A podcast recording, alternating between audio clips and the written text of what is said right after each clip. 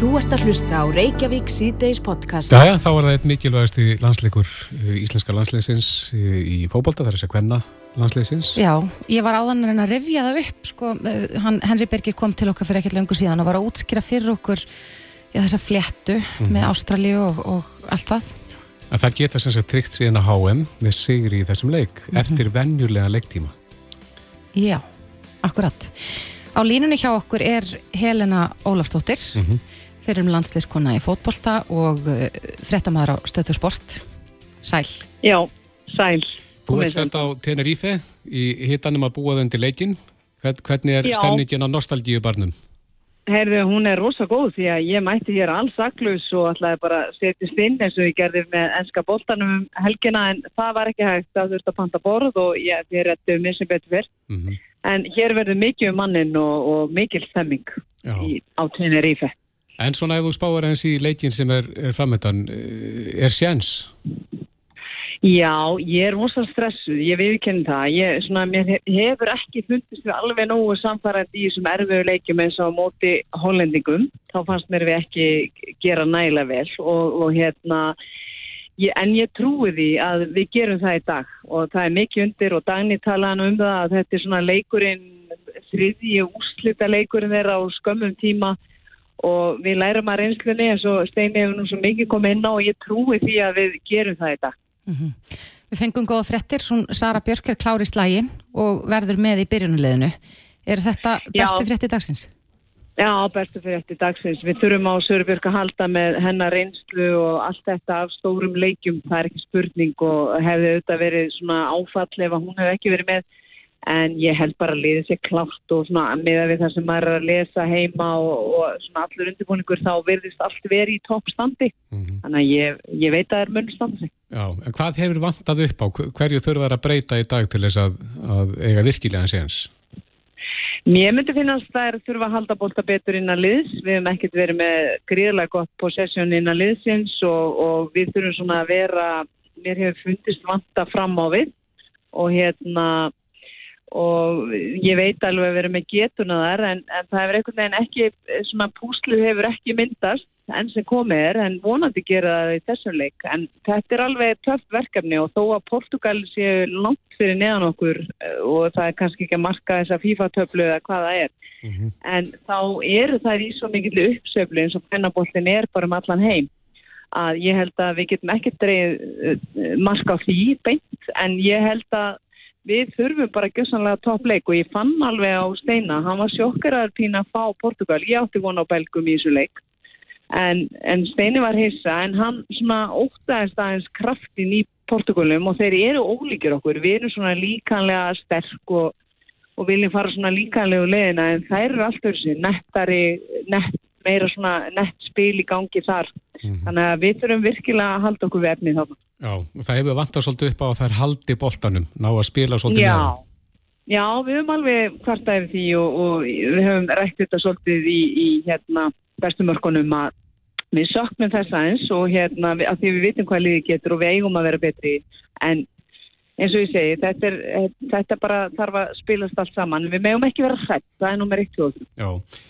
Helena Ólastóttir, stjórnandi bestumarkana, fyrirvendir landslýstjálfari, kæra þakki fyrir þetta. Takk sem leið. Bestu kveðu til tenni. En nú ætlum við að fara bara beint til Porto og Kolbjörn Tumi Dadarsson er á línunni. Komið þegar og blessu. Hvernig er stemningin í Porto? Herðu, bara svo ég takk ykkur í þráðbeina lýsingu, þá er ég að horfa á löggæslum að uh, taka hristu af uh, móður ennar Sveindísar hérna, kantmanns Íslands og svona stjórnir, Sveindísa Jane. Þannig að hún er ætti frá Ghana og, og þeir greinlega hefist ekkert á þetta tól sem hún er með. Hvernig hrista er þetta? Þetta er bara svona klassísk uh, hrista svona uh, mjög eitthvað fallegt fallegt ljófæri sem hún ætla að búa til stemmingu hún er hérna með svona flotta lokka í hvítu, bláu og rauðu og skreitt upp og niður og í því líka kýr. Það er ekki að fara inn með hristuna og ég, nú er ég sjálfur með mikrofón og eitthvað hérna dæmi í töskunum minni, ég veit ég alveg hvað verður þegar ég reyna að fara hérna inn en þetta er það sem er að gerast núna, fólk stendur í rauð koma sér fyrir, hérna er hann komast inn á vellin, það er 45 minnir leik og mm -hmm. margir búin að vöka sig og, og ykkur sem sáu hérna, það bar við hliðin á vellinum og okkar stökkun í eitt, eitt lokabjórn þar. En það er svona veist, þetta er svo stór leikur, þú veist, ég er með í maganum og allir þessum 160 sem eru með okkur í dagsferðinni að sólarhengsferð Æslandi eru með í maganum svo stressaður yfir þessu stóra degi, en hérna í þessum smábæ hérna í útkverju Porto þá er voða lítið sem að bendi til þess að sé eitthvað stórleikur, þá hvernig núna 45. leik, við hóp, íslenski hópur er mættið hérna á veitingastað svona 5 tími fyrir leik og það er bara fólk skildi ekkert hvað verið gangi og það voru ekki til glöðs til að þjónusta fólk og það sendi eitthvað út í búð eftir hambúrgarabrauði og, og einhver var að retta með því að skjótast á McDonalds sem er hérna í Korters Labs fjarlægð og, og þetta er svona einhvern veginn pínu skrítið að hérna ég bara ímynda mér að því að við hefum ekki að fengja hérna leik heim til Íslands. Og Einmitt. þá værum við að spila nöðarsveld í dag og ég fullir það að það eru 10.000 manns mættu á hennan leik og það er allt verið vittlust og þetta er í gegja það er pínusklegt en, en til að það er ekki neikvæði eh, nilli hérna þá er geggju blíða og allir fylgustuði og allir hafa trúið að stelpunar sé að fara að gera eitthvað sögulegt. Já, þú fóst, þú fóst út í hátteginu það ekki eða fyrir háttegi hvernig er stemningin í hópnum? Stemmingin er hóttum bara góð, allir rosalega bjassinir en, en stressa er rosalega margir fjölskyldumæli þú veist fjölskylda Sveindis að Jane er hérna. Ég var að tala um bróður hennar Selmu Sólar. Hún er í byrjanleginu, stóð sem spilur síðan leik. Hún er komin í byrjanleginu núna og það er rosalega margir sem þekkja leik með þekkja svo stór stund fyrir marga, margir búin að fylgjast með stelpónu sínu síðan það voru 7 ára, 8 ára, 9 ára, 10 ára, allt þetta. Og nú er það að koma hérna í, í algjörun úslutaleg eitthvað sem að margir þetta kvennalansliðinu myndi nú gera undan kallalandsliðinu það voru stelpunar sem voru að ná árangri, getur við sagt, svona að komast á stórmótin á, á undan strákonum en, en nú er komið að stelpunum að gera þessi strákonum og það er allir í bláu og hvíti þarna.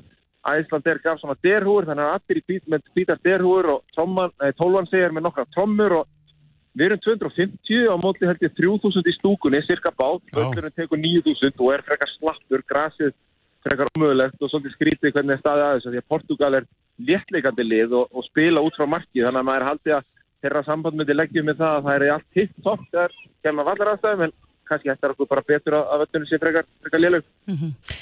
Þórir að, að spáði í tömi hvernig leikurum er fara? Þetta er 10-0 fyrir Ísland, það er bara klárt. Nei, ég held við vinnum hérna, ég held við vinnum 1-0, ég held að það verði hörkuleikur og, og svo fáum við eitt yfirnaðamark, það kemur hoppirna á daginn í Brynjastóttir og Rángarsveitinni hetjum frá hellu stángaraninn og, og sendir okkur háan. Á síðustu stundu og á vennulegum le leiktíma? Já, já, já, ef ekki að segja 8.1. Já, akkurat. Herðu, það hljómar vel. Eh, leikurinn hefst eftir eh, réttum 40 mínútur. Kolbjörn Tummi Dadarsson, kæra þætti við rétt og bestu hverður út. Þetta er Reykjavík C-Days podcast. Jæja, mörgum brá í brú núna um klukkan hálf fjögur þegar að, að eh, það bárast fréttir af, af þingi ASI en, en Ragnar Þór Ingólfsson, formaði Vaffer, Solveig Anna Jónsdóttir, formaði Replingar og Vilhelmur Birgisson, formaði starfskreinasamfatsins, hafa öll hægt við frambóð til meðstjórnar ASI. Já, þessi stóra reyfing er hann að liðast í sundur. Viljámi Birkisson, uh, formadur starfsgreinarsambansins, er komið til okkar velkomin. Já, takk fyrir það. Já, er allþjóðu sambandið að liðast í sundur? Ég skal, það er erfitt að svara þessar spurningu. Það er allavega alveg ljóst að staðan eins og hún er akkurat í dag er mjög alvarleg. En af hverju dróðu þið framband tilbaka? Eh, við vorum ekki að byggja okkur fram í miðstjórn, við vorum að byggja okkur fram sem fórsetar alþýðisambansins, mm -hmm. Ragnar sem eh, aðalfórseti og, og Solveig sem annar og ég sem þriði. Mm -hmm. Ástæðan er einfallega svo að við erum búin að núna undanfartna vikur leggja alveg ótrúlega mikla vinni í það að reyna að fá eh, aðeldafílaugin, formen aðeldafílaugana til þess að mæta þetta þing eh, sem einhild höfum lagt mikla vinni í það, tekið mörg símtöl til að reyna að bera klæð á opnunum að þannig má orði komast, að reyna að ná samstöðunni því að ekki veitir af fyrir komandi kjærasamninga og við töldum að svo vinna hefði búið árangur, vorum nokkuð e, vongóðum að við myndum ná að lappa út af þessu þingi sem á að ljóka morgun e, sem, sem einn reysastort e, afl og geta farið saminuð í, í komandi kjærasamlinga. Það sem að gerist á fyrsta deginum í gær að þá er borin upp tillaga fordamalauðs og hefur aldrei nokkuð tíman verið gert áður í sögu uh, Alþýðisabass Íslands þá er borin upp tillaga að fulltrúar eblingar á þinginu uh, séu ekki kjörgengir. Þetta hefur aldrei nokkuð tíma gæst áður og er fordamalauðst Og hver voru rökin fyrir þessari tillögu? Það var, rökin voru að það átt að hafa verið við ólýðræðsleg kostning, þetta er bara, og kjörbrefa nefnd rakti það síðan að þetta var uh, allramt, það var bara farið eftir öllum reglum og lögum og hefðum og kjörbrefa nefnd gerði grinn fyrir því, en alvarleikin sem var fólkin í því að leggja þessa tillögu fram var í fyrsta lagi svo að það voru 11 aðildarfílu sem tóku þátt í því að skrifa undir tillöguna og 16 fulltrúar frá þessum 11 félögum. Þetta sínd okkur það að þarna var hópur fólks kominn í þeim tilgangi að eh, brjóta það á bakaftur að okkur tækist að lappa út sem einn heild. Þetta var svona fyrsta vísbendingin. Síðan gerist það í morgun að eh, formaður bárunar á Selfossi skrifaði statusun á fjersbók þar sem kemur fram að e, sakar okkur um að vera ábeldisfólk og eitt af fyrstu verkum okkar, ég er að því að eitt af fyrstu verkum okkar þessari nýriru e, nýju fórsetta verði að segja starfsfólki alþjóðsambas Íslands upp. Og þegar þú færði svona alvarlegar ávirðingar á þig um að þú sért fyrst og fremst í þeim tilgangi að fara að reynsa út úr öllu uh, allt starfsfólk alþjóðsambandsi sem er sko svo mikið rakalig svæla, ég er búin að vera með manna forráði átján ára og hef aldrei reykið einn einastamann, Ragnar er búin að vera með í sjö ár og, og, og ég held að hann hef aldrei reykið neitt mann eldur þannig að þegar var farið að sæ, er, sá svona fræjum inn á með, meðal þingfulltrúa, svona ósanendum þá gerðist bara eitthvað sem að var bara einfallega erðu nú er bara nóg komið. Ég tók líka eftir því fyrir þremutungum síðan að þá var fréttin á MBL þar sem að var sagt að e, starfsmenn alþjóðsabassi sé að hugsa sér til reyfings og þessi status haldur í morgun hann staðfestir kannski það sem að okkur að fara að gruna að væri verið að sá svona fræjum til þess að reyna uh, ófræja okkur. Og, og uh, þegar að þú ert að mæt, mætir á svona þing og ætlar þér að fara að ræða það sem að skiptir máli sem er komandi kjærasamningar og svo alvarlega, alvarlega staða sem að launafólk stendur fram með fyrir. Hækkandi vextir, hækkandi mataverð hækkandi bensinverð, það held ég ætti að vera megin stefið í þessu þingi þar sem við myndum sliðra sverðin og, og, og lappa út sem einn stór sleggja af þessu þingi. Þegar maður átt að segja á því að það var ekki tilgangurinn og þessu personlegu nýði og, og, og þessari personlegu heift í garð einstakra fórustumanna innan reyfingarinnar að henni allir ekki að ljúka þá var bara niðurstaðan hjá okkur að nú skildum við bara setja punktin yfir yð og, og draga frambóðan tilbaka? draga frambóðan tilbaka og það gerðist náttúrulega kannski meira eftir það að allir fulltrúar uh, vaffer og eblingar og verkefælisvöla sakrans á samt einhverju fleiri félögum tveim með þrejum fílum ekki alveg með á hreinu, ég tók eftir að voru svo margir sem stóðu upp, mm -hmm. sem löpuð út þannig að Hafið því semst lokið aðkom ykkur að já, þessu já, þingi núna já. og mætið ekki eftir Nei Hvað þýðingu hefur það fyrir þingið? Getur, getur uh, það haldið áfram og verður alltaf greiðsla á morgun? Nei, ég, ég, ég bara veit ekki hvernig það, það eru örfáir uh, þingfulltrúar eftir raun og veru, það er hvað 40-45% eftir Eh, ég, ég veit ekki hvernig eh, þau ætla að klára þingið eða hvort að því verður frestað eða, eða hvað sem er en eh, við erum búin að reyna allt. Við erum búin að reyna og leggja svo mikið á okkur að reyna að ná þessu upp úr þessu skotgröfum. Heldum að það er tekist. Þess vegna voru það óbóðslegu vonbriði alveg svakalega vonbriði að skinja það að það hafi mistekist. En, en var það mótframbóði sem að nei, nei, nei, nei, nei, við óttuðust engan, sko, ég menna sko, ebling og vaffer eru bara með yfir 50% e, þingfulltrúa það skiptir engum máli hvort að við höfum unnið kostingarnir eða ekki mm. þetta, þetta, þetta lítur ekki að því þetta lítur að því markmiði sem við vildum gera að við myndum fara út sem einn heilt ekki sem klófin það var grundvallar atrið hjá okkur. En nú er náttúrulega orðin þessi stóri klopningur. Er, er þið að velta fyrir ykkur að, að draga ykkur út úr aðeins í? E, það er ekki sko ákverðun einstakra fórustumanna og formanna félag að taka slíka stórar ákvarðanir. Vilt þú það? E, ég held að líka alveg fyrir að e, það verður öllum möguleikum veld upp núna en það er í höndum félagsmanna viðkomandi félaga að taka slíkar ákvarðanir og það þarf að fara fram allsar er atkvæðagreisla um það mm. en ég verð bara að segja við Íslands launafólk að ég veit bara byggja sko afsökunar fyrir hönd sko verkalisrefingarnar að fólk skuli voga sér að mæta inn á þetta þing á þessum tíma þar sem að við þurftum svo sannarlega að snúa böku saman.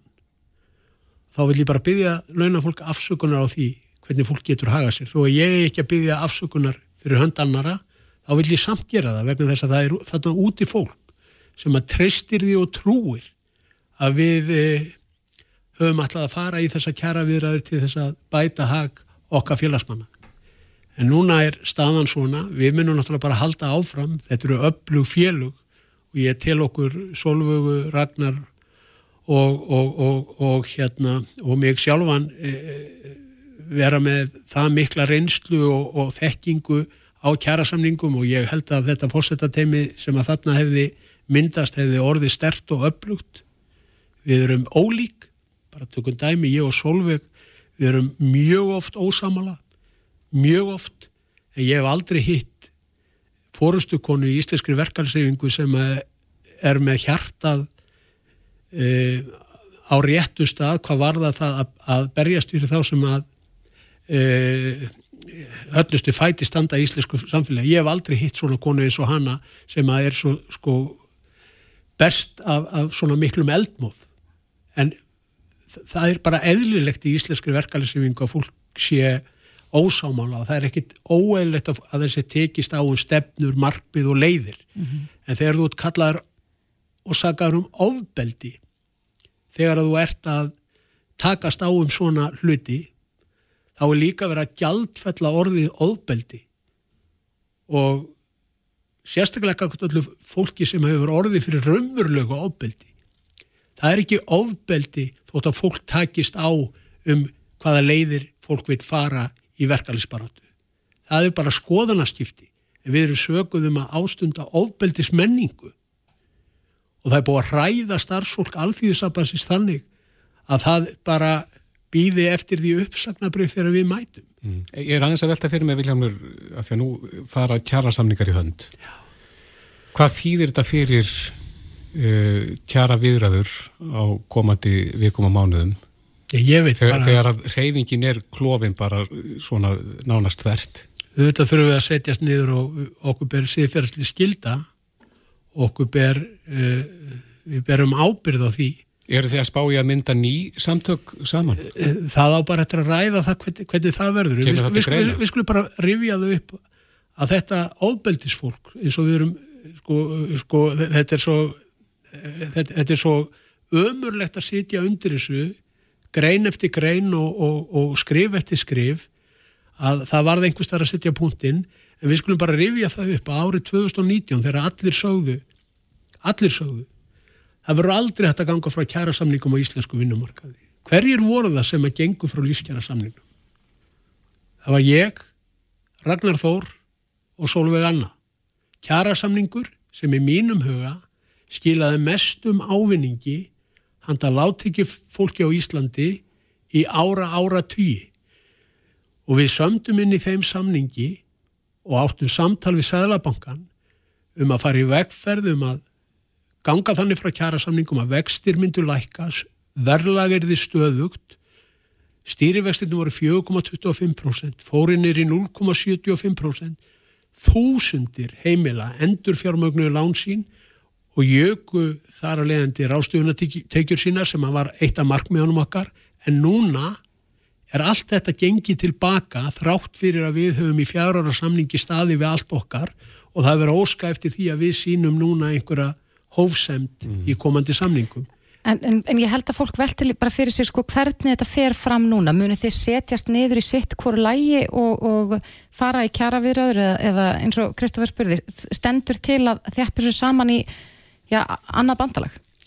Það er ekki nema tímyndu síðan að ég lappaði út af þinginu ásand þessum hundruðu uh, 150 200 þingvöldur Þú þekki manngangi vel Ég þekki manngangin og ég er búin að vera í þessu lengi og auðvitað, eins og ég segi, það er á ábyrð okkar núna að, að setjast niður og finna leiðir og ég bara er samfarður um það að, að við munum finna leiðir til þess að ganga frá kjærasamningum því að það er bara okkar e, starfskilda og það er skilda okkar kakvart félagsmönnum að, að fara í slíka, slíka vinnu en e, hvort það verður myndið okkur bandalög eða, eða hvað verður gert, það verður bara e, komandi dagar að að, að, að hérna leiða í ljós. Mm -hmm. En þið mætið ekki eftir á þetta þing? Nei. Nei. Viljámi Byrkesson, formadur starfsgrænarsamansins og verkefliðsleit og ég á skæðanum. Kjæra þakki fyrir komuna. Takk, takk. Ekki missa af neinu. Þú ert að hlusta á Reykjavík C-Days podcast. Að ræða fjárlögin og uh, við erum að reyna að komast að niðurstöðum hvernig á að deila ofinbyrju fjö, skattfjö okkar. Akkurat. En uh, við rákumst á, já, áhugaverða mynd eða hvað segir maður, graf? Já, súluritt. Súluritt, það var akkurat orðið sem ég var leitað um sko hlutfall launakostnaðar hins ofinbera og þarna er við efst á lista. Já, eigum heimsmynd í því. Já. Á línunni er Konráðs Guðjónsson, aðalhagfræðingu Stefnis sem að mitt byrti þetta súluritt í dag, sæl. Já, sæl, ég reyndar núna sem ernaðarsökjaði SA, en, en gott og vel. Já, þú ert með marga hatta. Já, einmitt. En uh, segðu okkur aðeins af þessu súluriti, eigum við heimsmetið í, í þessu eins og marga öðru?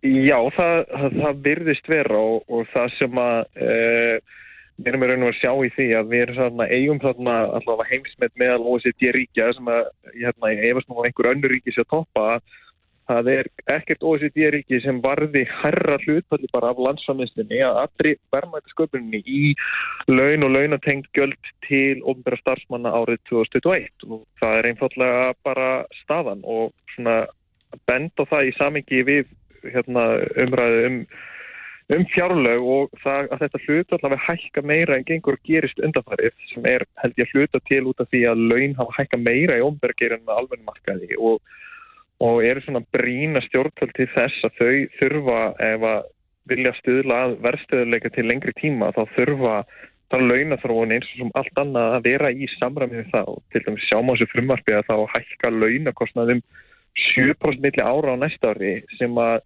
e, ég get allavega ekki séð að standist hennan verðstöðuleika til lengri tíma. Þó að sé svona kannski, maður setur kannski ákveðin fyrir að vera það um eitt ára en, en 7% hækkun á launakostnaði milli ára er, er freka mikið mm -hmm. og við erum líka kannski ástæðan fyrir að við erum að draga þetta fram er, er staðin svo að þó að haugkerfi sé að miklu leiti bara komið á góðan stað aðtunleysið er svo gott sem horfið og þá erum við ennþá með uh, hátt í 100 miljardar konar halla á ríkisjöðu á næstari og það er verið að au, drag, auka sérst afhaldin min, minna heldur að var gert ráð fyrir bara fyrir 6 mánuðu síðan í fjármálavæðin mm -hmm. og okkur finnst það svona svolítið varhugavert og kannski ekki nægilega góð skilabóð svona inn í það, það umhverfisverðum í núna með 9% verðbóku. Eh, það reynda sem að sé sangjarn þá er aðhaldi að þess að aukast á næsta ári en, en okkur finnst bara að vera tilmynd til þess að sé að aukast meira til þess að við náum alls saman að vinna bug á verðbókutrögnum. Mm -hmm. En þessar tölur, hvort eh, sko, e, e, eru ofinberi starfsmenn fleiri og þar af leiðandi hærri launakostnaður eða hafa launin hækkað? Sko, uh, ég held að þetta, sko, með fyrirvarum hefur nefndi kannski skoða það nákvæmlega en, en ég held að þetta sé bland af báður. Það sem við vitum er að starfsemi hins ofinbera á Íslandi, það tekur tillit til alls og, og til dæmis þess að við erum með bara mismöndi fyrirkomulega fíkani hérna, e, lífeyrir eru greitur, hvort sem greitur bara greitur gengum ríkisjóði eða lífeyrir sjóði eins og við erum með hérna. Þegar þú horfið bara það í heilsinni þá er umsvið hins ofinbæra mjög mikil á Íslandi. Við erum með frekar háa skatta, við erum með frekar mikil umsvið þannig að þetta er bara önnu hlið á þeim peningi því að það er náttúrulega það að leiðandi þá svolítið margir ofinbæri starfsmenn. En svo náttúrulega er þetta líka það að launin hafa verið að hækka alveg svona óhanstjættum meira á ofinbæra markaðum heldur en almenna markaðum hérna núna í undanfarinni kjærasamningalóti og raun og veru einhverju leiti fram að því. Og þar sem að það er nú samt þannig að, að, að já, við horfum til að landa sem við berum okkur saman við að þá er það ekki ofinbæri markaðin sem leiðindur að launahækkarnir heldur bara fyrst og fremst hvernig standa útlendinskærinnar í alþjóðlega samkjæmni að það er uppáspunkturinn og svo fylgja aðrir einhvern leiti því og þetta er kannski ekki alveg í þeim anda og, og svona líka annað í þessu sem er kannski ástæðan fyrir að við viljum svona brína þetta að, að aðhaldið bara í fjármálum hvað sem er snýra launum eða hverju sem það er að það er ekki nægilega mikið. Er það að við erum í þeirri stöðu núna við sem bara þjóð erum að reyka viðskipta halla, við erum að fjármagna raun og veru okkar neyslu innanlands einhver leiti óbendikinn með erlenda lántöku með því að reyka, með því að flyta meira inn heldur við erum að flytja út. Og það getur sjálfsvegulega gengið einhver tíma en það gefur alls í stertil kynna að það sé, sé fossendur og góð ástæð fyrir því að eins og ég segi að það, það þurfi meira aðhald frá mhm. Að þetta en fyrst og fremst sem er náttúrulega aðalættir í þessu til þess að koma verðbólgunni í horf því að þá vitum við það að það væri, væri, væri hægt að lækka vexti töluvert og við hefum mm. núna reynslu að því að það getur gæstu verla eftir pris og allt stefnir í og allir svona róa saman að því markmið þannig að það er svona það sem við erum að horfa á í þessu samingi. En Conor, hvar, hvar er allir þessi mannskapur? Við eigum metið í, í vantala fjölda þá ofinbæra stafsmanna. Uh, hvar, hvar, hvar mætti stjera niður og fækka ríkistafsmennum? Það, sko, við, við sjáum tækifæri í því til dæmis að auka kannski einhver liti enga rekstur að þau ofinbæra þurfu ekki verið að reka allt saman sjálf. Það Nú hefur unglega hreyfing eins af stjórnaflokkunum Konráð verið með mm. það kjörorð báknið burt mm -hmm. og þessi stjórnaflokkur sem er sjálfstaflokkun hefur verið við völd hérna bróðupartin af þessari öld má segja.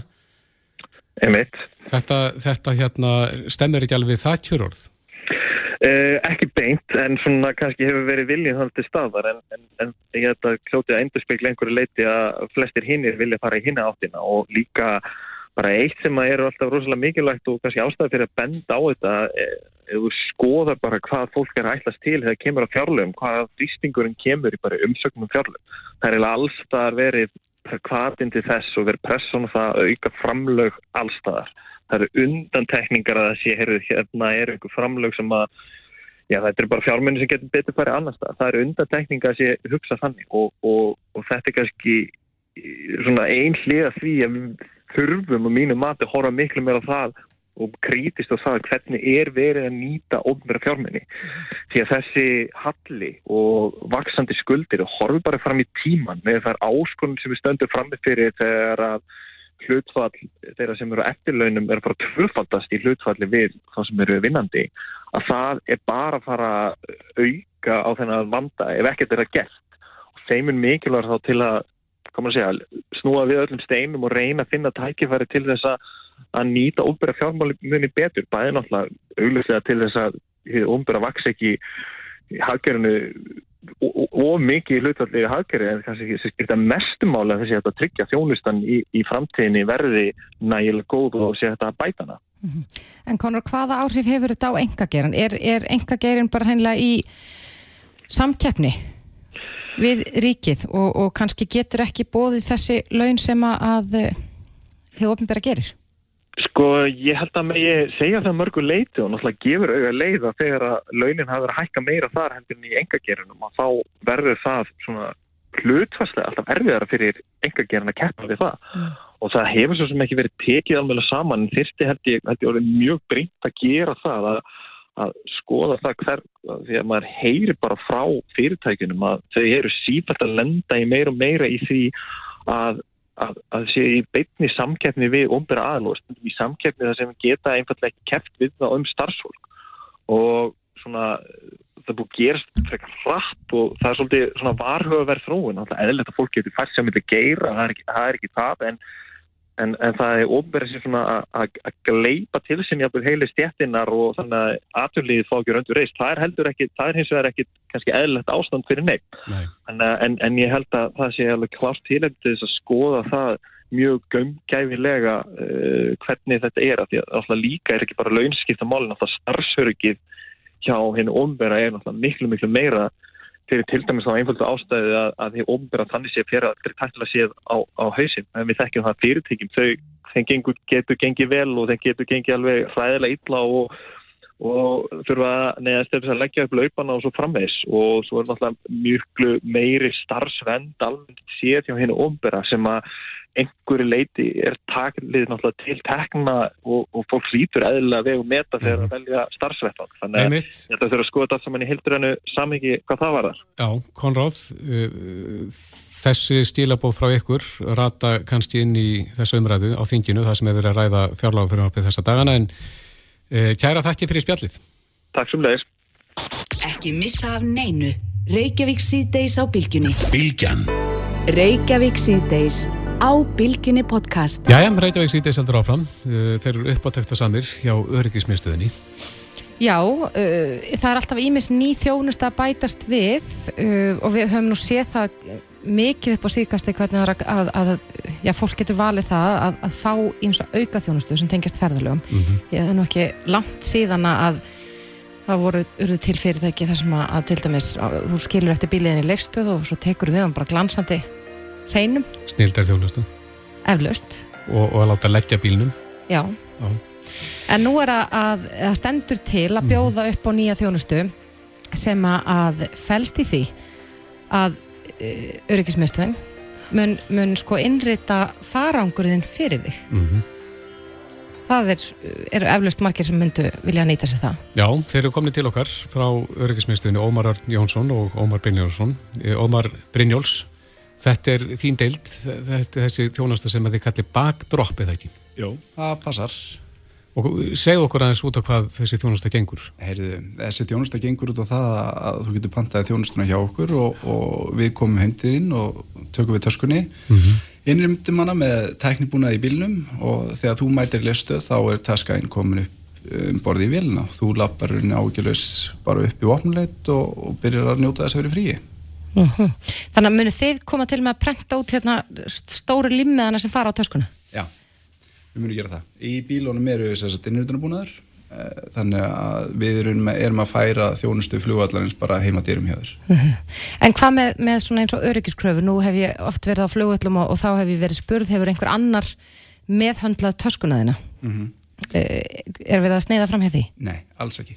Allir starfsmenn sem koma að þessu verkefni eru vottaðir flugvallarstarfsmenn Eh, það er fullkominn reykjaleiki í bílónum á öllum töskum þannig að það eru áallt í mynd þannig að rauninu, það er aldrei tamperað með töskuna eina það er aldrei ykkur óviðkomandi aðlu hún er aldrei skilin eftir þannig að hérna, ykkur óviðkomandi hafa aðgang á töskuna eini mhm. -huh. þannig að það er fullkominn reykjaleiki á þessu við erum búin að vera í verðmætaflutningum í 25 ár mhm. -huh. og erum mjög stór öryggis þjónustu veitandi á, á flugvellinum þannig að við erum samþætt að þessa þjónustu og bjóðu upp á þennan hægjend rauka til fólks. Mm -hmm. Hverjir geta og koma til með að nýta sér þetta kannski helst?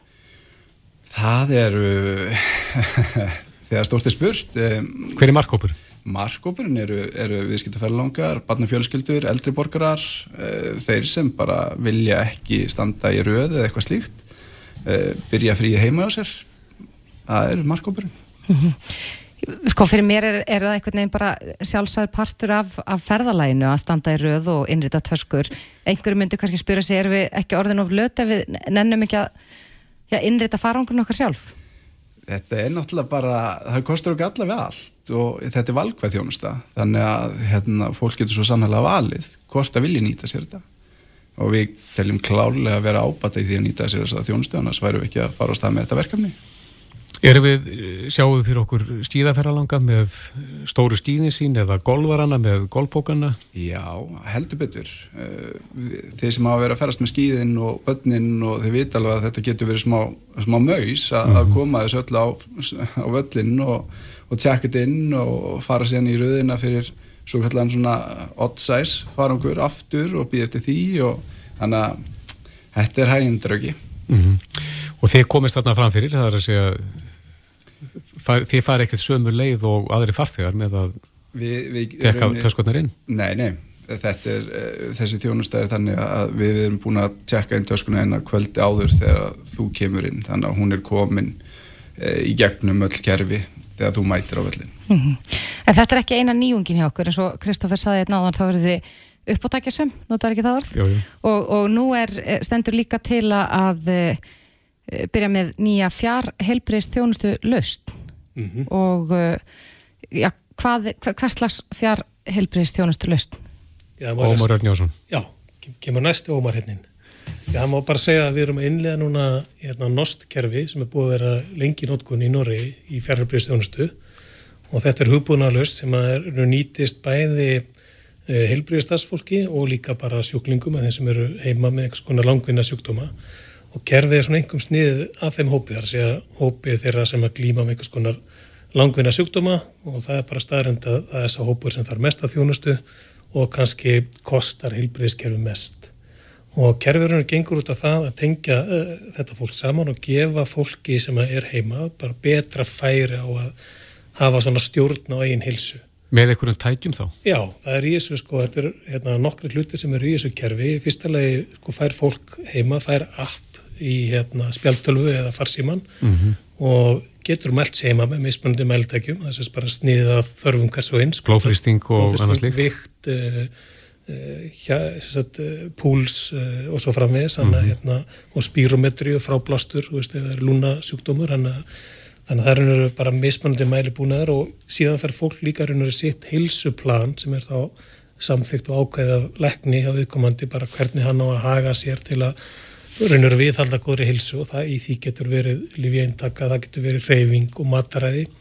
Og ef að fólk er að mæla sig heima og öll gildir í lægi með að við heilsuplan viðkomandi þá er raun og verið eh, þarf ekki að sinna þeim einstakling og meðan hann er bara á grænu sveiði leiðu eitthvað ber frá að þá er einhverju flaggarkerfið til helbriðstasmanna, hér er komið frávik einhver blóðfyrstingur og nóf hár mm -hmm. og þá getur kerfið einhverju bæði látið viðkomandi vita strax er að þú ert komin út fyrir þín gildi, þú ert að gera þetta og þetta til einhverju náðast tilbaka kannski hugsaðu matræðu, reyfður þurra fórstöðurli gungutúr og bætti þessu við Er þá heilbyrðismannast á hinnum endanum sem að fer, fer yfir gognin? Nákvæmlega, þar er hugbúna fyrir heilbyrðistarsfólk og þar raunur í því kerfi er flaggað frávikum mm -hmm. og svona hugmyndafræðin í þessu er nákvæmlega svo að heilbyrðistarsfólk getur þá beint sjónu sínum meira og engum að því fólki sem að þarf á þjónust að halda hverju sinni og þetta er kerfi sem hefur byrjað að þróa í Nóri árið 2011, tók í nótkun eh, fyrstu kerfum 2013 og er núna í notkun í bara yfir 200 norskum sveitafélögum og oppan af sjúkrásum í Norri. Hefur þetta sparað?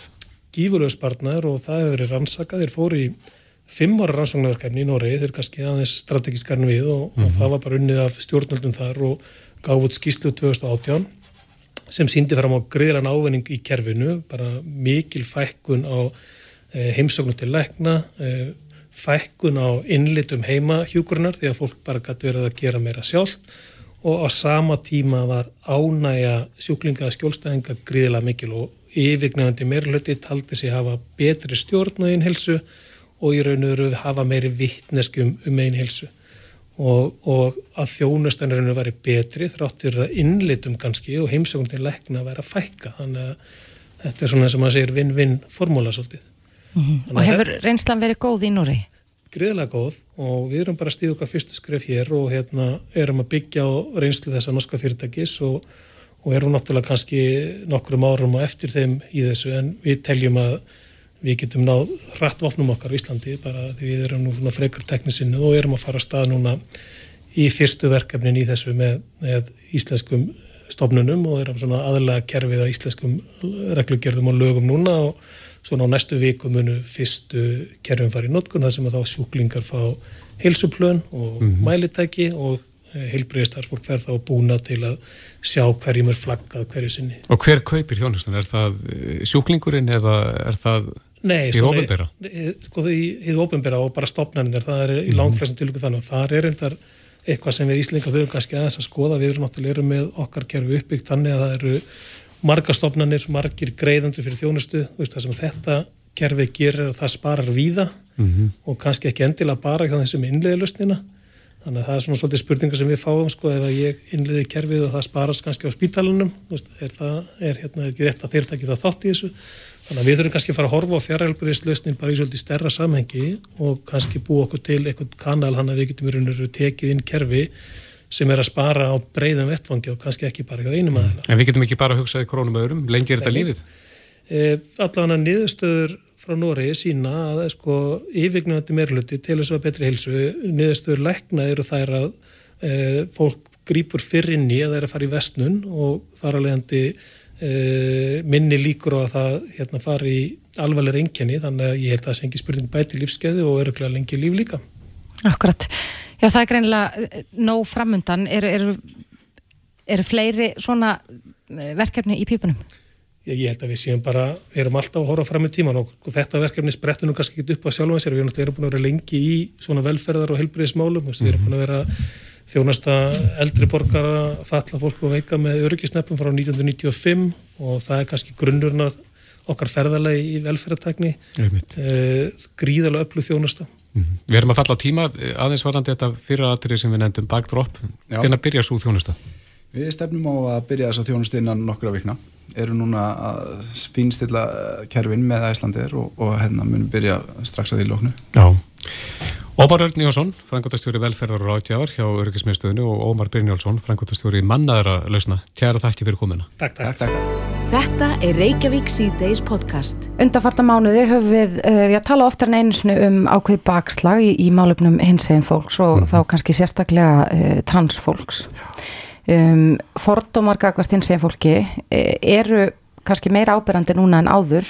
Á, hefur allavega svona þá tilfinninga að, að þetta sé algengara. Mm og í Kastljósi í gær var, var talað um þessar þróun og uh, já svona hversu uh, erfitt það er að vera úrlingur mm. í þessari stöðu vegna þess að fordumatar eru greiðlega miklir. Já, er þetta að koma kannski svona auga á það í fljótu bræði hvað það er sem er að valda þessu bakslægi? Er það við fóreldrarnir sem erum fordóma fyllri og erum að smita því sko niður til barnan okkar? Mm -hmm maður veit ekki, er þetta samfélagsmiðlar? Þeir eru þetta já, til þess gerðir að, að búa til gjáa millir fólks mm.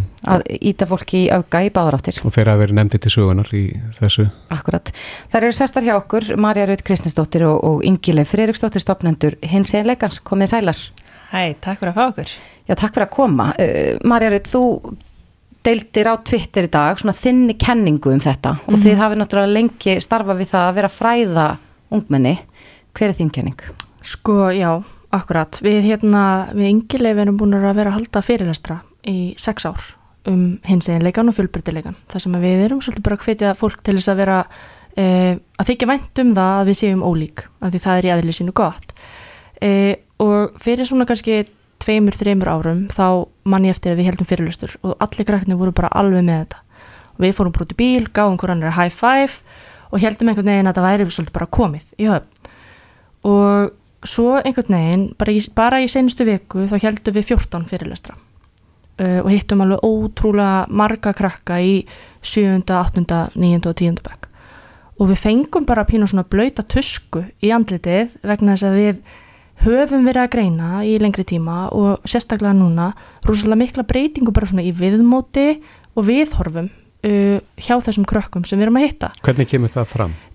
Bæði bara svona grettur og hlátur og annað sem kemur á bara mjög óviðegandi uh, mómentum í fyrirlesturinn okkar. Við erum að tala um mjög kannski alvarleg mál og, og við sjáum svona hvernig sumir fussa og sveia og finnst alveg fárálegt allt sem við erum að segja sko. Uh, en svo líka bara í formi spurninga. Mm -hmm. Þær beraðist merkja að börnin okkar eru vægast sagt illa upplýst um stöðumála eða er að fá einhverja rángar upplýsingar einhver staði frá. Þannig við fórum pínu að, að því við vorum að tala um þetta eftir fyrsta daginn, bara hvað var þetta? E, þá fórum við svolítið að spyrja krakkana bara ok, hérna það hefur verið mjög gott að vera hins eginn á Íslandi. Það skiptir mjög miklu máli að standa vörðum það. Ég og Ingelif erum giftar og eigum börn og lifum bara nokkuð góðu lífi og maður heldur einhvern veginn að mannréttinda bara átt að sé svolítið línuleg upp á við. Að við getum einhvern veginn ekki fara tilbaka. Þannig við fórum að spyrja krakkana bara hérna e, eru þau á samfélagsmiðlum? Og þau rétt öll upp hendi. Og svo spyrjum við þú veist eru það teikt og okkur snabbtjátt og þetta og þau rétt aftur upp hendi. Og e, svo spyrjum við bara hafið þið séð á senstu vikum og mánuðum hatursfullt efni sem gerir lítið úr eða gerir grín af hins eginn fólki? Og þau rétt öll upp hendi.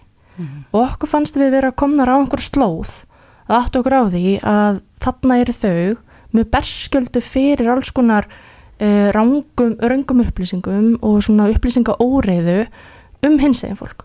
Svo þegar við fyrir að greina þetta nær og, og meira þá um, þurfum við að spyrja aftur bara, hérna, þið fáið svona myndbundi síman ykkar, hvað gerir þið? Og þau bara mörg þeir að horfa, sum læka því það er mjög algengt á TikTok til dæmis að vídjón séu þannig að, að það stendur að þú lækar þetta ekki þá ertu gay mm. og þetta er bara gildra til þess að fá þið inn í algoritman eh, og þá hugsar þú veist, tækin okkar þau bara fylgjast með því hvað við höfum áhuga á og ef þessi börn er að horfa á þetta aftur, aftur, aftur og sjá þetta meira og meira og meira þá fáðu þau bara meira og meira á svona efni Og hvað gerist þá ef, að, ef það er orðið einhvers konar daglegt brauð hjá börnunum okkar í, í hvað 7., 8., 9. og 10. bekk, jafnvel neðar, að sjá svona vídeo hverjum degi, þú veist hvaða áhrif hefur það síðan á þeirra viðhorf og svo framvis, af því að allt í einu verður að einhverjum svona megin ströymi að sjá svona efni, eitthvað mm -hmm. sem að ef við hefum spurt sem er spurninga fyrir tveimur, þreimur árum hefðu allir verið bara hvað meiniði En, en þetta efni sem þau eru að sjá, er mm. þetta, sko, þetta því að hafið átt samtöl við þessi börn um þetta efni, er þetta efni sem er til á íslensku eða er þetta á ennsku? Þetta er í rauninni bæði íslenskstefni og líka bara eitthvað staðar utan úr heimi og það er að verða til svona alls konar trend inn á þessum miðlum eins og TikTok, e, það sem að til dæmis er verið að gelta á hins einn fólk. Þetta er eitthvað sem að kemur að utan en er síðan heimfært hingað til Íslands og allt í einu er bara fullt af ungum krökkum farnir að taka myndbönd af hins einn fólki að gelta það niður í bæ og byrta þetta bara á, á TikTok og svo virðist einhvern veginn bara vera eins og Marja segir þetta er orðið einhvern veginn normaliseraðara fyrir þessum hópi að taka þátt í eitthvað skonar hattus orðræðu. Og það er verið að bara kommenta ótrúlega ljótum kommentum á myndbönd hjá hins einn fólki. Og það er bara nóga að flett upp uh, bara hérna uh, einhverju miðlum, til dæmis bara var ég ekki gæra að skoða miðl hjá transstelpu inn á TikTok og viðbjöðurinn í uh, kommentakerfinu var eiginlega sláandi, það er bara annarkvært komment er bara dreftu þig uh, þú ert ógeðsleg uh, og bara einhvern veginn þú veist þetta er, þetta er í alvörunni hérna, eins og Marja segir, blöytuska í andlitið.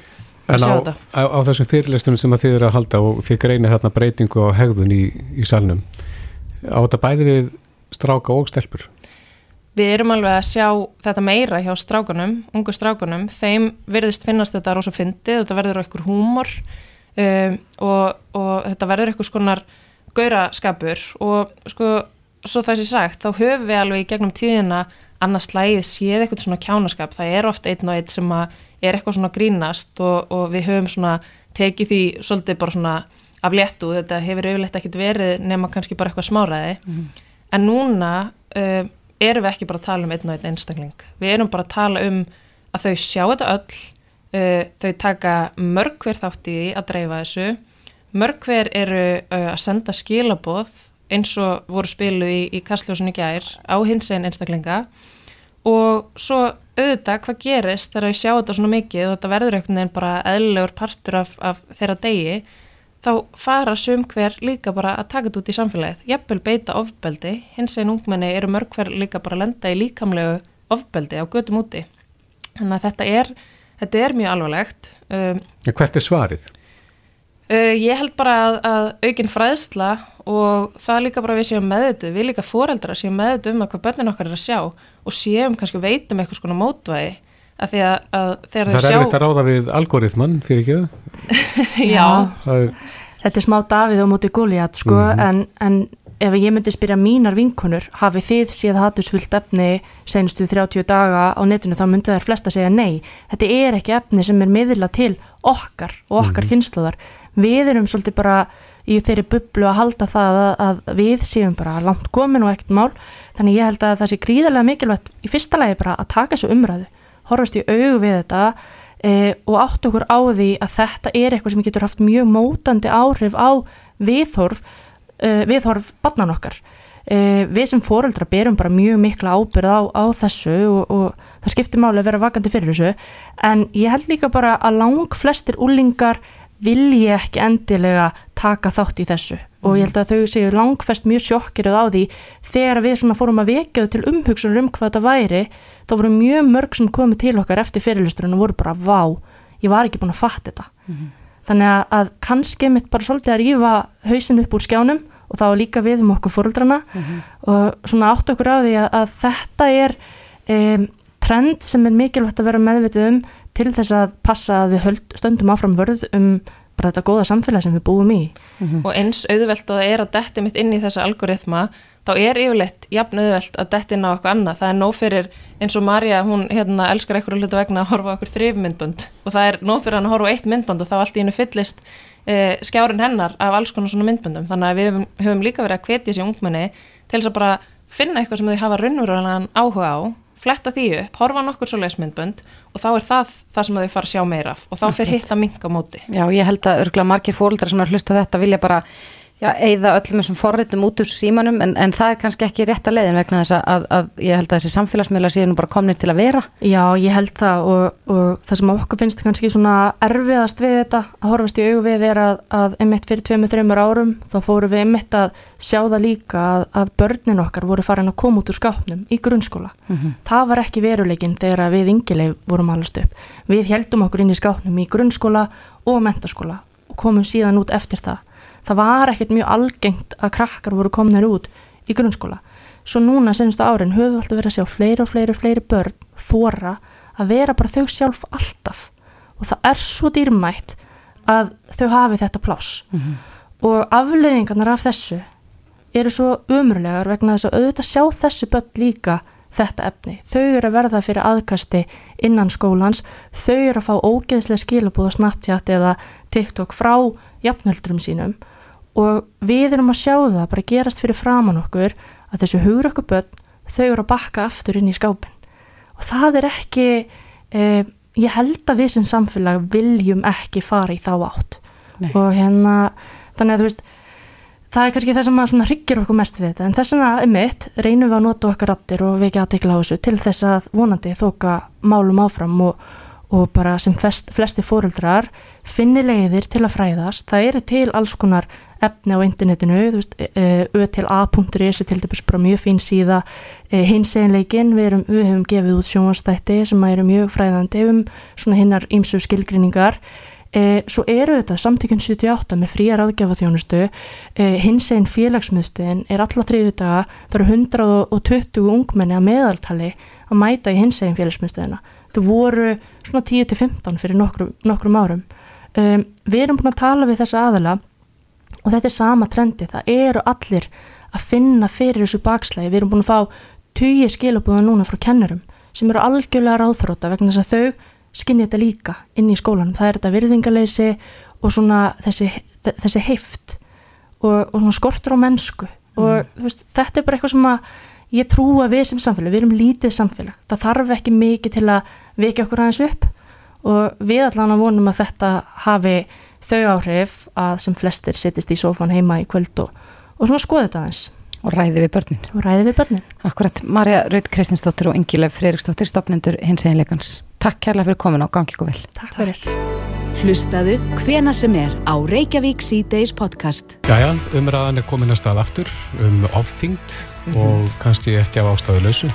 Nei, um, í fréttum stöðu var tvö og í Íslandi dag undanfarnar dag er búið að ræða við hérna ímsu sérfræðinga í þessum efnum mm -hmm. og uh, þessi sérfræðingar eru sammála því að einn stærsti heilsufarsvandi samtímans hér á landi er offita og afleiti sjúkdómar. Já, hún er líka vand með farin þessu umræða og hún stuðar ímsa. Akkurat. En, en hún má ekki stuða það mikið að, að þetta setja rætt og funda lausnir. Nei, nei, það er alveg hár rétt. En uh, hér í síðustu viku rættu við nú við lækni varandi Sikursíki 2 mm -hmm. og uh, það sem að hann sagði sko, í það minsta uh, talaðan ekki um einn okkur um tíu á Íslandi væru með sko, forsteg Sikursíki. Einmitt. Þannig að það er spurning hvernig við getum reynd að snúast þessar þróun við. Uh, í vísi.is segir landlæknir að uh, já, hún vilji beita efnahagslegum kvötum mm -hmm. sem eru þá skattlagning til dæmis til þess að efla líðhelsu, þessi svo kallaði sigur skattur. Já, en svo er það líka hinn hin ángin, ég menna má ekki beita þá öðrum ráðum, draga úr álögum á hotlustuna. Akkurat. En hvað er annað til ráða? Við erum uh, með hana hérna hjá okkur, Olgu Eir Þóransdóttur, hjúkunafræðing og mastersnema í líðhelsu vísendum. Kom til sæl. Sæl. Ja, Olga, nú ef, ef við hugsum um þennan stóra vanda sem blasir við okkur og, og við erum upp til hópa að kannski ekki að næra okkur næla vel og ekki að reyfa okkur næla mikið, hvað er annað hægt að gera heldur að já, auka skattlagningu? Já, sko eins og auðvitað landlækni kom inn á þá er það eitthvað sem rannsóknir hafa sínt að virki þú þarfst að hækka þetta ákveði mikið en, og hérna en það er kannski bara eitt púsl af svo mörgum mhm. eins og þau voru ræða og, og ég sér á sömu skíslu að tala um að hérna einmitt lækka álegur og hotlan mat og þetta er svo góð þetta er í rauninni það er náttúrulega ótrúlega margt hægt að gera mm -hmm. og hérna eins og til dæmis bara núna hilsuöflandi vinnustæðir er verkefni sem virk vin, vinna eftirlitið og embæta landleiknis eru að reyna að setja fót og þar eru vinnustæðir náttúrulega bara líki laðstu til þess að hérna gera fólki kleift að borða hotlanmat til dæmis eins og í mötunautum að það sé mikil áhersla lögð á hotlanmat, grammindi ávexti, uh, fæður í östaríkinu mm -hmm. Og gera fólki kleift til dæmis að koma hjólandi í vinnuna eða lappandi að þessi aðstæði fyrir fólk til að skipta um född, fara styrta og svo framvegis að þar þess og þetta er svona hérna, verkefni sem fer vonandi að taka vissur og fleiri vinnustæðir fari að vinna með til þess að hérna, það er nú veist, það sem flestir náttúrulega eigða hérna, stórum vögustundum sínum í vinnunni þannig að það er náttúrulega kjörinu vettvangur mm -hmm. og hérna, fyrir fyrirtæki til þess að koma þar inn, komast þar inn um, sko umræðan er líka svo mikið, hún beinast svo mikið að því sem er óhald mm. það er alltaf, það er þessi byggðabönn. Uh, við eigum ekki borða svona, við eigum ekki borða svo mikið sigur, við eigum ekki borða svona mikið unnumatur svo frammeði sem eru auðvitað rétt. En eins og rannsóknir hafa sínt að það er rauninni sko skadlegra hilsokkar að sleppa því að borða hotlanmat heldur en að borða óhotlanmat En heldur að við séum að borða skyndibitana því að hann sé ódýr Sko, það er eitthvað annað sem að kallar á. Já, ódýr og aðgengljur Málega er bara, það en, er en svo En bara góður að bræðið Já, vissilega góður að bræðið og það er náttúrulega líka sko þú veist, eins og það mætti halda sko að hérna mataræði væri val hvers og eins, hvernig við borðum, en það er ekki alveg þannig, þú veist, það er mhm. svo vil þú veist, það er svo mikil over við höfum svo mikil ofur eflega að etja. Mm -hmm. það er hérna og, og þetta er náttúrulega veit markaðurinn það er búið að búa til hann mat sem höfðar til bræðlökunna, hann er góður. Eimi. hann er juicy, það er auðvelt að nálgast hann og mm. það er yfirleitt ódýrar að kaupa hann líka. Þannig að allt þetta þarf að breytast. Þannig að þeir sem að eru sko mikið fyrir stindibittan, hambúrgar eða franskar eða slíkt þeir myndi bara borga þess meira fyrir hann ef það væri dýrði, heldur það ekki? Myndi um, sætja mikið í hann. Já, en sko mögulega, en það þarf allavega einhvern veginn að gera fólki að kleift að það sé auðveldara að velja þetta hotla mm -hmm. En er ekki líka sko, nún er oft talað um, um mikinn hraða í samfélaginu. Fólk er svolítið mikið að drífa sig og, og ja, einhverjar einfaldar skindilöstnir eru oftar þægilegri.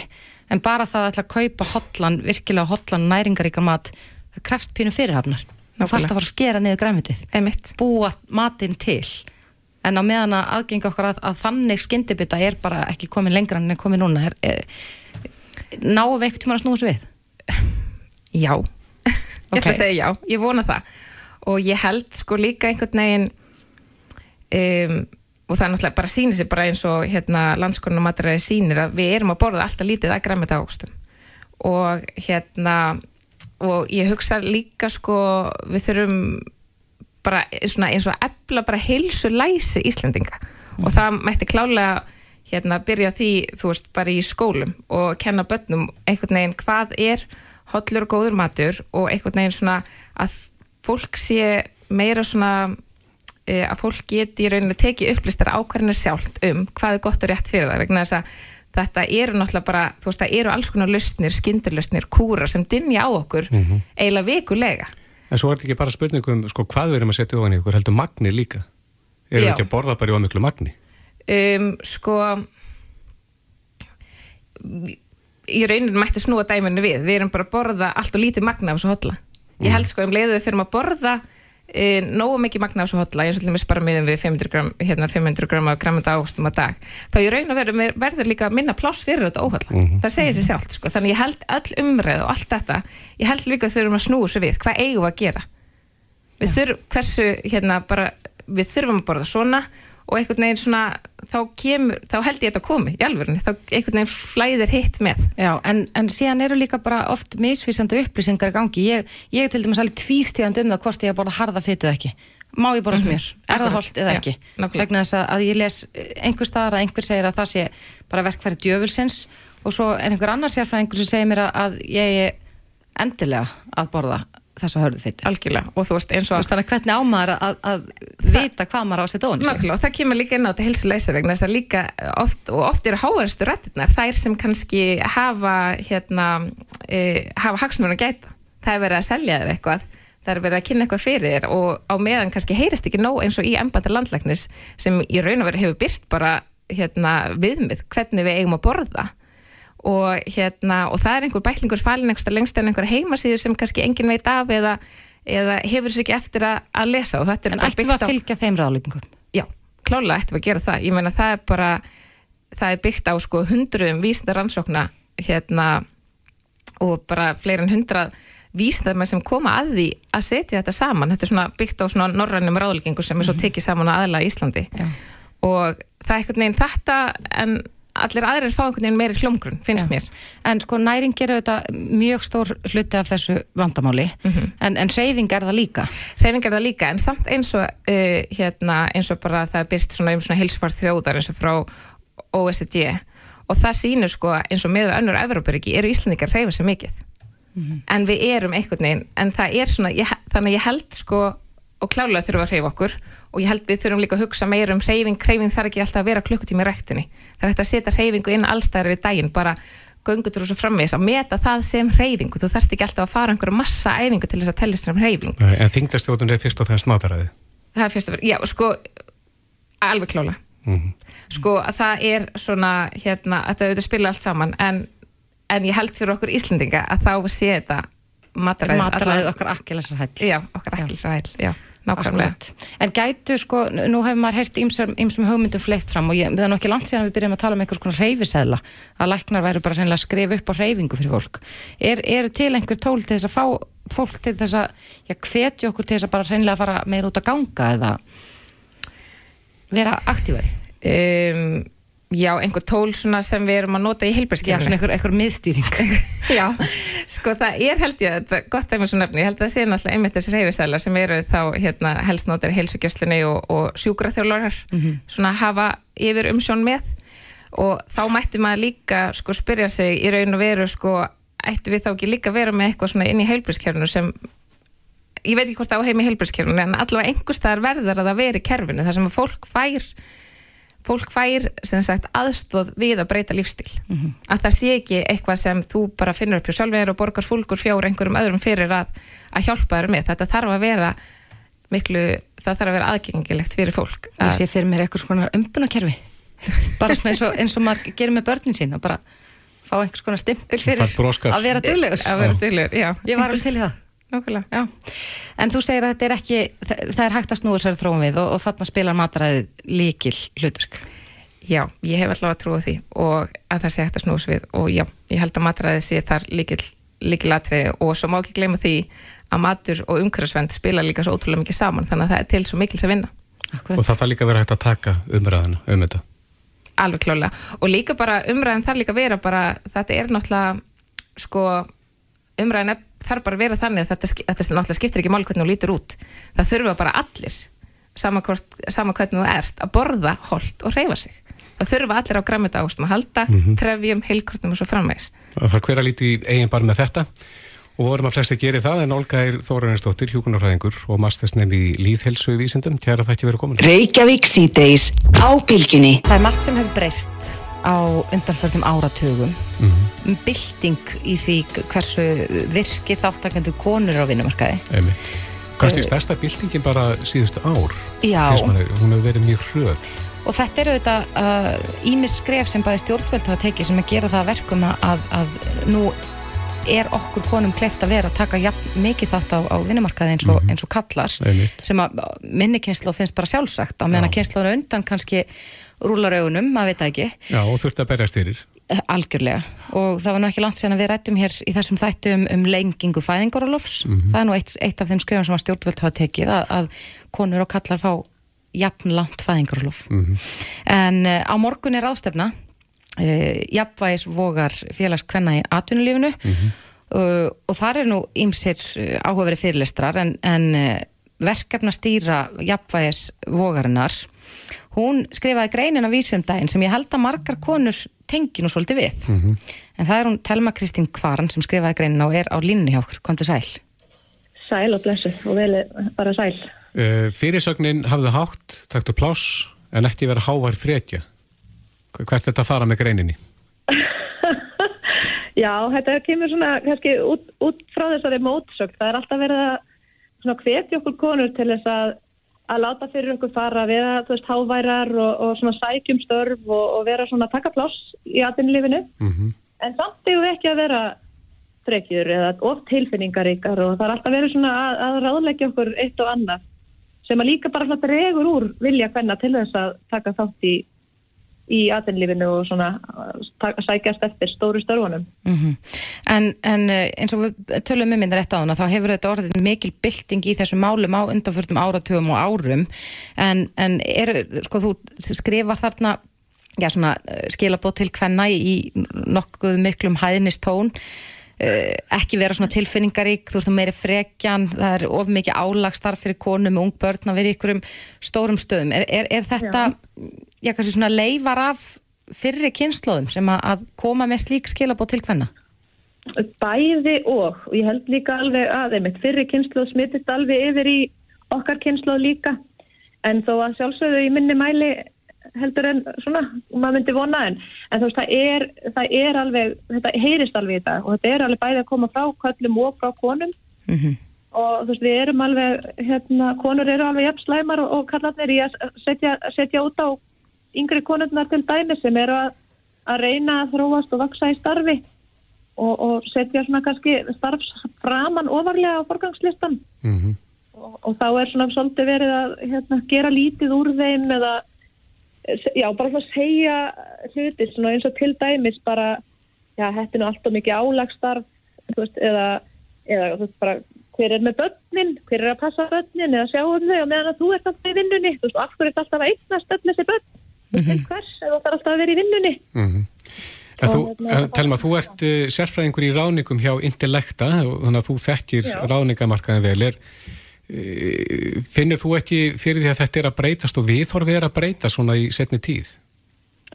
Jú, ég finn það alveg og, og, hérna, og ástæðan fyrir ég skrifaði með þessa grein er að, að ég hef sko, ég tekið eftir því að konur sækja nefnilega um staðstu störfin í miklu minni mæli heldur um karlar mm -hmm. og ég hef svo lengi veltið fyrir mér með af hverju það er og hva, hvaða gæti valdið í en, en þú veist, ég, ég held að það er með svona vitundavakningu bara til dæmis eins og verkefninu ég fæði svoinn og svo að bara minna fólk á hvernig þú tala við veist, konur í kringum þig að þá munu konur frekar fara að sækjast eftir starfsframa og sækjast oftar eftir þessum stóru störfum.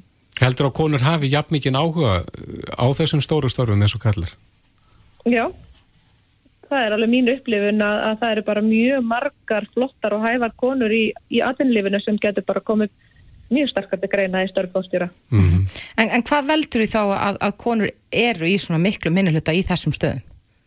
Uh, sko, það eru alveg nokkri, nokkri þættir og það er einmitt svona til dæmis það að, að þessu störf, störfbóstjóra eins og til dæmis ef við horfum á kaupöllina það hefur bara ekki verið auðlist starf bóstjóra í kaupalla fyrirtækjum fyrir en starfið hjá festinunum daginn þegar hún ástafélst eða ráðinn. Mm -hmm. Þessi störf hafa oftar verið þannig að það hefur bara verið að leita, þess að það hefur annarkost verið einhver innanhús eða hérna, leita til ráðningafyrirtækja og, og karlráðin. Akkurat. Og hérna, þannig að ég held að ef að við förum í meiri mæli að auðlýsa störfin, að þá fari konur frekar að sækjum. Mm -hmm. Stundu þar að hvetja það ræðans til þess að því að sagan sínir alltaf karlir ofta ráðin og, og það þarf líka bara svona sína konum að, að þær verða pottitt ekki ráðnar ef þær sækja ekki um. Þannig að við þurfum að vera líka dögulega að gefa kost á okkur. Já, en félag hvernig í atvinnulífinu ætlar að uh, halda þessar ástefnu um jafnvægi svógin á morgun. Hvert verður megin intæki þar? Þar er við þess að, að því að félag, þetta, já, þessi jafnvægi svo, hún er, hefur það markmið að, að svona hreyfa við íslensku atvinnulífi og fá það til þess að vilja jafna hlutfall kynja í efsta lægi stjórnuna, svona framkvæmda stjórn. Mm -hmm og, og við erum bara með bara fullt af þáttakandum, fyrirtæki, sveitafélag, stopnarnir, ráðuneyti með þess að uh, sem að hafa skráðið og skrifa undir og vilja yfirlýsingu og, og svo veitum við á ráðstefnunni viðurkenningar til þeirra þáttakanda mm -hmm. sem hafa náð þessu jafnvægi í framkvæmdastjórn. Já. og, og þannig að af þessum 200, við erum með 207-8 þáttakendur að þá verður alveg bara, já, fjölmarkir viðkenningar hafar í ár. Akkurat. Þannig að, uh, já, meða við svona ykkar markmið og það sem þið eru að leggja áherslu á og segja að jafnbreytt er ákverðun, er það vonast þess að fleiri fyrirtæki, stopnarnir, aðilar á vinnumarkarum taki þátt í því að, að, að taka þess ákverðun? Já, algjörlega og við, okkur, þú veist bara, þáttakandum hefur fjölgað alveg árkvært og ég, ég held það að það er bara búið að bætast við svona 50, það er bleið 60 jafnvel þáttakandir bara á þessu ári mm -hmm. sem hafa tekið þessu ákverðun en svo er það bara að framkvæma það líka. Og þú veist og það er eitthvað sem getur tekið aðeins lengri tíma, þú veist við erum ekki að, við erum ekki ætlast til þess að, að körlunum sé bara hent út úr framkvæmdastjórn og skipt út fyrir konur. Við erum, þú veist, maður gerir sér grein fyrir því að þetta tekur líka stundum tíma og það er hægt að gera þetta bara með eðlilegri þróun, þannig að ef, að, ef að það eru margir karlar í framkvæmtastjórn þá má bara nýta mest þegar einhvern hættir að ráða konu í staðin og svo öfugt, af því að það eru margar framkvæmtastjórnir líka þar sem eru bara allt og margar konur og við erum heldur ekkert að sækast þessi því að fylla þeirra, þú veist, að vera bara með 100% konur í framkvæmtastjórn. Akkurat. Bara þetta jafnvægi. Já, en þessi ástöfna hún fer fram á morgun og, og uh, það er þetta að fylgjast með henni á, á VF Ríkisútvarp sem satt? Jú, passar, hún er klukkan 12 og í bytni útsendingu. Akkurat, Telma Kristín Kvaran, verkefnastýra jafnvægisvorunar og, og sérfræðingur í ráðningum hjá Intellekta. Kæra þakki fyrir þetta og gangi ykkur vel. Reykjavík síðdeis á Bilginni podcast.